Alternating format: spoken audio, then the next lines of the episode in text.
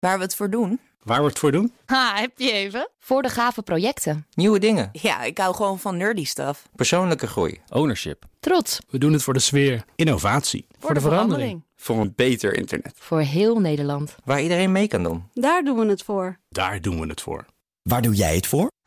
Kom werken voor KPN en groei op jouw manier. Check de actuele vacatures op het gebied van data, security, development en networking op jobs.kpn.com/tech. Ik ben Carlijn Meinders. Dit is Wetenschap vanavond. Er wordt met veel interesse gekeken naar stofjes in paddo's en hun mogelijk positieve effecten bij het behandelen van onder andere depressie en angststoornissen.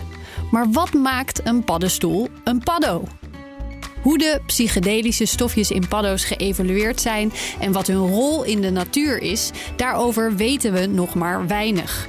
Willen we de stofjes inzetten in behandelingen, dan moeten we zoveel mogelijk wel weten. En daarom zijn wetenschappers van de Universiteit van Plymouth een groot onderzoek begonnen. Een van de vragen: kunnen we, als we naar de genen en gedrag kijken, achterhalen of de paddenstoel de stofjes gebruikt om zichzelf bijvoorbeeld te verdedigen? Of gebruiken ze het misschien om het gedrag van insecten ermee te veranderen? Ook kijken ze door welke dieren de paddenstoelen gegeten worden en wat voor effect ze hebben op bodemmicroben.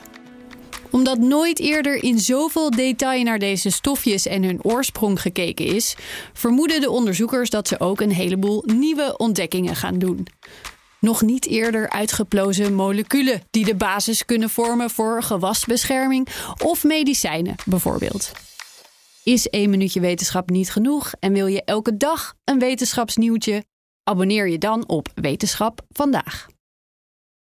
Ook Thomas van Zeil vind je in de BNR-app. Je kunt live naar mij luisteren in Zaken doen, de BNR-app met breaking news, het laatste zakelijke nieuws en je vindt er alle BNR-podcasts, bijvoorbeeld Het Nieuwe Geld. Download nu de gratis BNR-app en blijf scherp.